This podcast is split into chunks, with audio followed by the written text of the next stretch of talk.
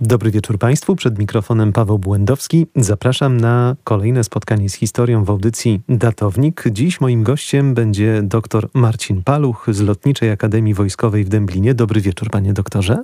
Dobry wieczór Państwu, dobry wieczór Panie redaktorze. Będziemy, proszę Państwa, mówić dzisiaj o jednym z najważniejszych polskich powstań narodowych, wszak mija 160. rocznica powstania styczniowego. Zanim powiemy o militarnej stronie tego powstania, chciałbym, żeby to właśnie był trzon naszej rozmowy, to poprosiłbym, Panie doktorze, o dosłownie kilka zdań nakreślenia ówczesnej sytuacji na ziemiach polskich, bo jak wiadomo, Polska była wykreślona wówczas z mapy. Powstanie wybucha w roku 1863. Jakie Jakie wydarzenia bezpośrednio poprzedzają te decyzje o wybuchu powstania? Proszę Państwa, sytuacja na ziemiach polskich no, drugiej połowy XIX wieku, no, powiedzmy, jest trudna. 30 lat wcześniej przegraliśmy powstanie listopadowe, powstanie armii regularnej, regularnego rządu, mhm. które nie mogło sobie poradzić z carem, chociaż mogło. Powstanie listopadowe po 30 latach jest na nowo, dalej pamiętane, czy na nowo pamiętane, na nowo się je przypomina. I tak w 1860 roku przypomina się go poprzez tutaj pogrzeb y, wdowy po generale Sowińskim. Słynny generał Sowiński, obrońca Woli w czasie szturmu Woli we wrześniu 1931 roku. Chwilę później 25 lutego 1861 roku przypomina się słynną bitwę E, o Olszynkę Grochowską czy pod Grochowem. Słynną bitwę, gdzie polskie wojsko powstrzymało wielkie armie czy wielkie bataliony marszałka Dybicza. To też jest taka ważna dla nas y, a sprawa militariów, sprawa wojskowości, kiedy y, wspominamy zwycięskie y, starcia, tak. czy starcia, które nie zostały przez nas przegrane, bo ostatecznie wojska musiały się cofnąć. Ale była to manifestacja patriotyczna przypominająca ten czas. Dwa dni później carat wobec manifestantów, którzy również przypominali ten czas wcześniejszego powstania, no już... Otworzył ogień. Mhm. Ogień. Po prostu represje powstaci w postaci salw karabinowych. Salw karabinowych. Trzeba sobie powiedzieć, że e, ten lata 60. E, są z jednej strony troszeczkę odwilżą, bo mamy powiedzmy autonomię, czy nawet rządy takie cywilnie Margrabiego Wielkopolskiego. E, Rosja po przegranej wojnie krymskiej wchodzi w takie reformy, bo przegrała wojnę krymską, przegrała to jest 1853-56, mhm, tak, 53-56. Tak, Siły francusko-brytyjskie zdobywają słynną twierdzę, wielką twierdzę w Sewastopolu na Krymie. Armia carska musi się wycofać. Tutaj car, tutaj tym razem już car Aleksander wie dobrze, że sytuacja jego armii wymaga reformy więc reforma, e, która musi doprowadzić do polepszenia tej armii carskiej, no widzi to, że z wojskami nowoczesnymi, nowoczesnych wojsk francuskich czy brytyjskich ma trudności. No też nastąpi odwilż w rekrutacji, w pobieraniu rekruta, więc pomimo, że wiele lat się służy w armii carskiej w armii Moskali. Wie, Polacy tuż po powstaniu listopadowym na wiele lat e, zniknęli powiedzmy e, na, tutaj na obszarach Wielkiej Rosji, na Kaukazie, a więc każdy rozumie, co to jest tak zwana też bramka, o której później będziemy mówić. Mhm. Co to jest rekrutacja do armii carskiej, pomimo reform, które Aleksander II przeprowadza. Więc tak to wygląda, ale te nastroje patriotyczne nasilają się, nasilają się. No, czy to jest dobre, to ja powiem nie za bardzo, bo to nasilenie y, akcji patriotycznych wzmaga represję y, y, caratu i wprowadza niestety w październiku 1861 roku na nowo stan wojenny. Tutaj stan wojenny na terenie Królestwa Kongresowego. Są takie zdjęcia, co często pokazuję na wykładach, gdzie już tutaj na Placu Saskim przed takim słynnym pomniku jego obecnie już nie ma, przy słynnym pomniku takich generałów, polskich generałów, co nie chcieli brać udział w powstaniu listopadowym, bo taki, taki monument Mikołaj I wybudował po klęsce powstania listopadowego. Naprawdę mm -hmm. wybudował taki monument, taki, taki pomnik, gdzie tam przypominał generałów polskich, którzy zginęli w noc listopadową 1931 roku. Później ten pomnik już za Nowej Polski, za II Rzeczpospolitej przestał istnieć oczywiście, ale mieliśmy taki, taki przykład, więc chciał e, tym też pokazał, no z pewnością nas poróżnić, e, wiadomo. Przy okazji, tak. Przy okazji, ale te nastroje patriotyczne powodują, że no, niestety armia e, i administracja carska się wzmaga. wzmaga. E, Polacy coraz bardziej się przygotowują do tego zrywu e, powstańczego. Są prowadzone szeroko zakrojone akcje tutaj administracyjne, no ale tak pod względem tych militarnych rzeczy, to jak wejdziemy w tą powiedzmy noc styczniową 1863 roku, to myślę, że nie za bardzo. Nie za bardzo to widzą pamiętnikarze, widzi Józef Piłsudski jako historyk, bo trzeba powiedzieć, że Józef Piłsudski ma e, swoją książkę, rok 1863 i też on widzi, e, że przygotowania pod względem militarnym, no to, to, to, to jakby ich nie było, to, to nie ma ich. No, no. Ale czy to znaczy, panie doktorze, że my zupełnie nie wyciągnęliśmy wniosków z tych błędów, które popełnione zostały w roku 1830? Oczywiście to był zupełnie inny trzon tej grupy ludzi, która to wywoływała, no ale jednak. To znaczy, y, trzeba by było powiedzieć, że mamy do czynienia z innym rodzajem walki, e, ale z innym rodzajem walki. Wiadomo, nie ma armii regularnej, e, nie ma, mm, nie, mamy dowódców, którzy zostają po czasie listopadowym, mamy dowódców, którzy na emigracji się szkolą, są szkoły w Genui, jest szkoła we Włoszech, Polska Y, są różne y, postacie, które mają jakikolwiek pogląd na ten czas, no, czas połowy XIX wieku.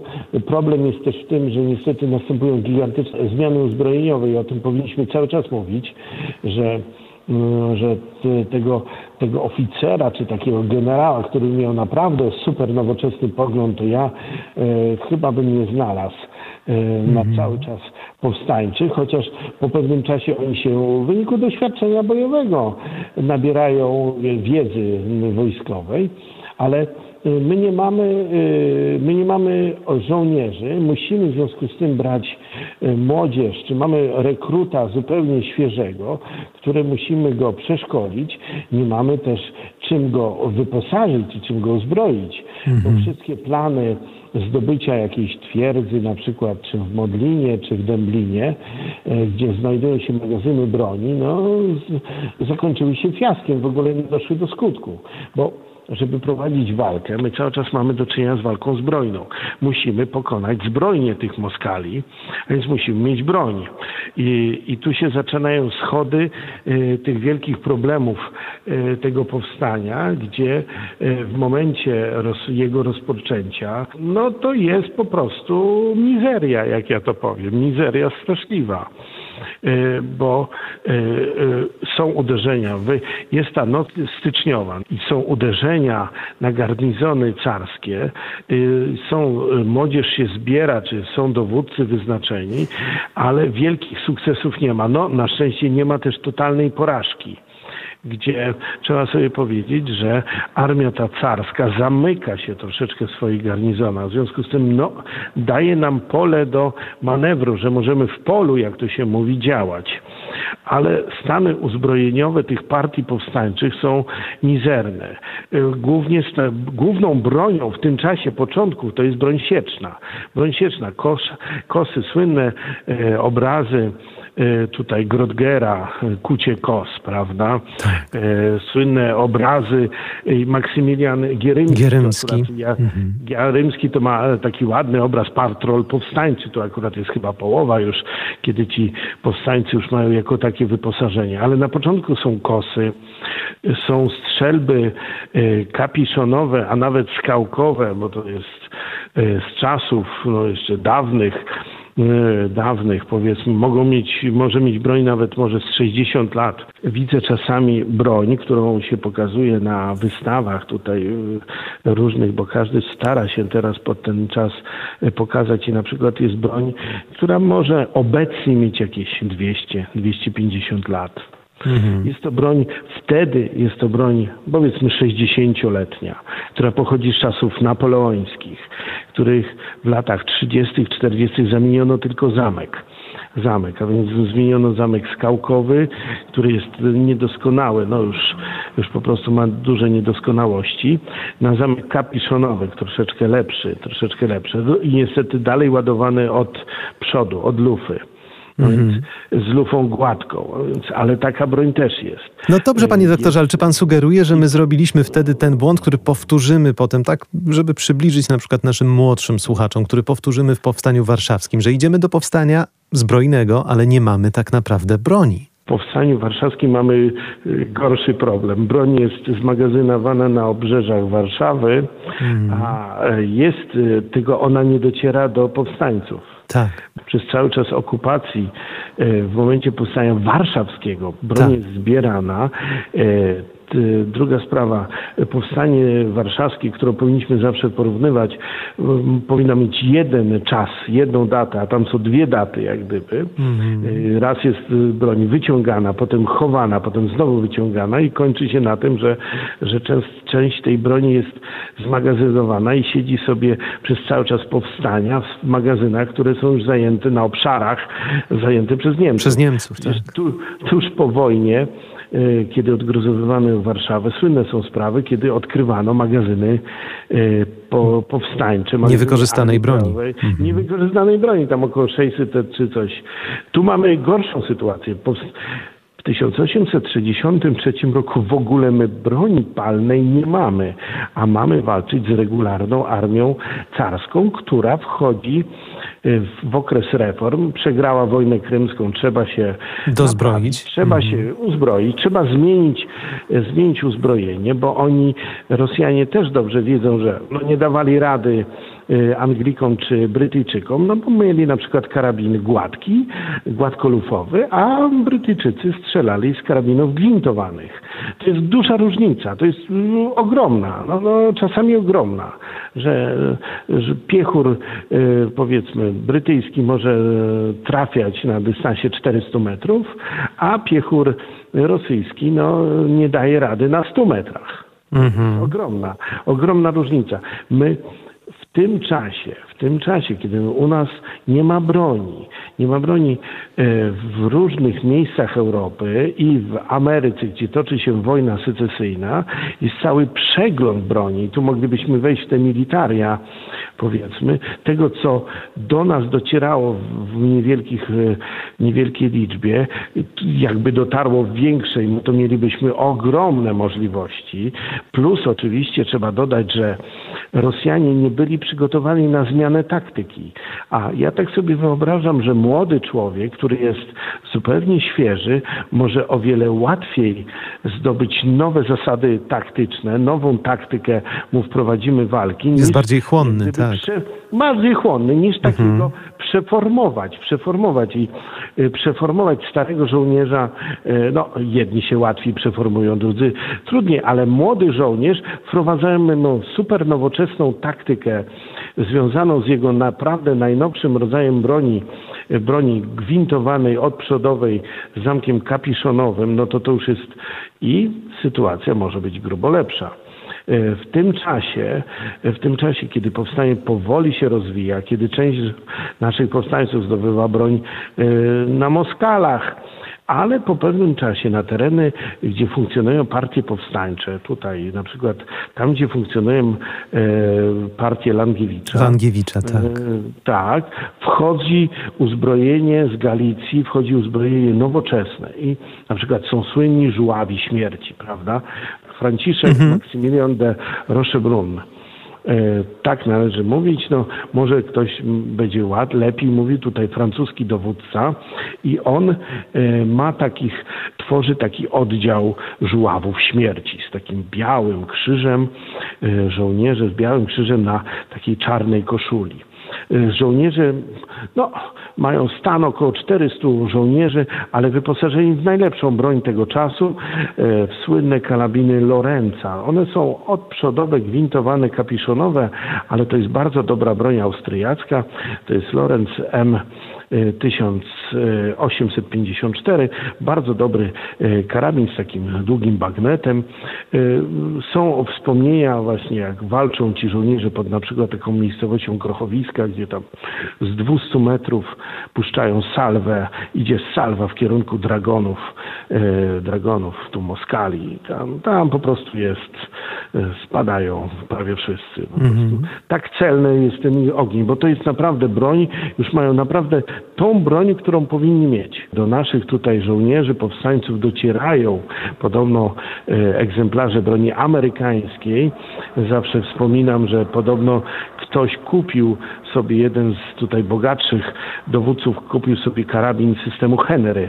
To jest 16-strzałowy, no ojciec, inaczej ojciec naszego słynnego z Winchestera, słynnego Winchestera z czasów zdobywania Dzikiego Zachładu. Karabin Henry. Tak samo działa jak Winchester. I to jest 16-strzałowy, no to w porównaniu z jednostrzałową bronią Moskali, no to jest skok to ogromny, no to, to, to skok. To, to, no tak, panie doktorze, ale jeśli chodzi tak, o sam charakter mało, tej walki, mało. mamy walki partyzanckie, prawda? To jest tak, główna. Bo, bo, mamy, bo niestety nie możemy mhm. wystawić takiej liczby a, żołnierzy do walki. Po pierwsze, nie mamy przeszkolonego rekruta, po drugie, nie mamy tyle broni so, i mamy za dużą dysproporcję w stosunku do, y, do wojsk mo, moskiewskich. W dodatku nie mamy niestety tej broni, która ja najbardziej lubię, a więc w powstaniu nie ma artylerii. Nie mamy artylerii kompletnie tak samo jak w Powstaniu Warszawskim. Nie mamy czym wesprzeć e, się w walce. Powiedzmy sobie otwarcie to, co, proszę Państwa, obecnie również artyleria jest bardzo ważnym elementem, rodzajem sił zbrojnych, co widzimy na froncie tam na Ukrainie. Tak, trzeba o tym mówić, że artyleria jest strasznie ważna. Mhm. Wtedy również y, wsparcie, które ono daje, no, ułatwia, ułatwia zwycięstwa. Niestety, powstańcy nie mają czegoś takiego. Są pojedyncze egzemplarze i u Langiewicza i w innych partiach. Pod Żyżynem nasi y, powstańcy zdobywają dwie armaty. Niestety one są przez Moskali w ostatniej chwili zepsute. To w formie takiego zagwożdżenia tam, gdzie jest zapał, tam, gdzie się dokonuje e, jak gdyby odpalenia Odpalenie, armaty, tak. wbija się gwóźdź i armatę się psuje. Do tej rozmowy z doktorem Marcinem Paluchem z Lotniczej Akademii Wojskowej w Dęblinie powrócimy już za tydzień. Tymczasem dobrej nocy. Przed mikrofonem był Paweł Błędowski.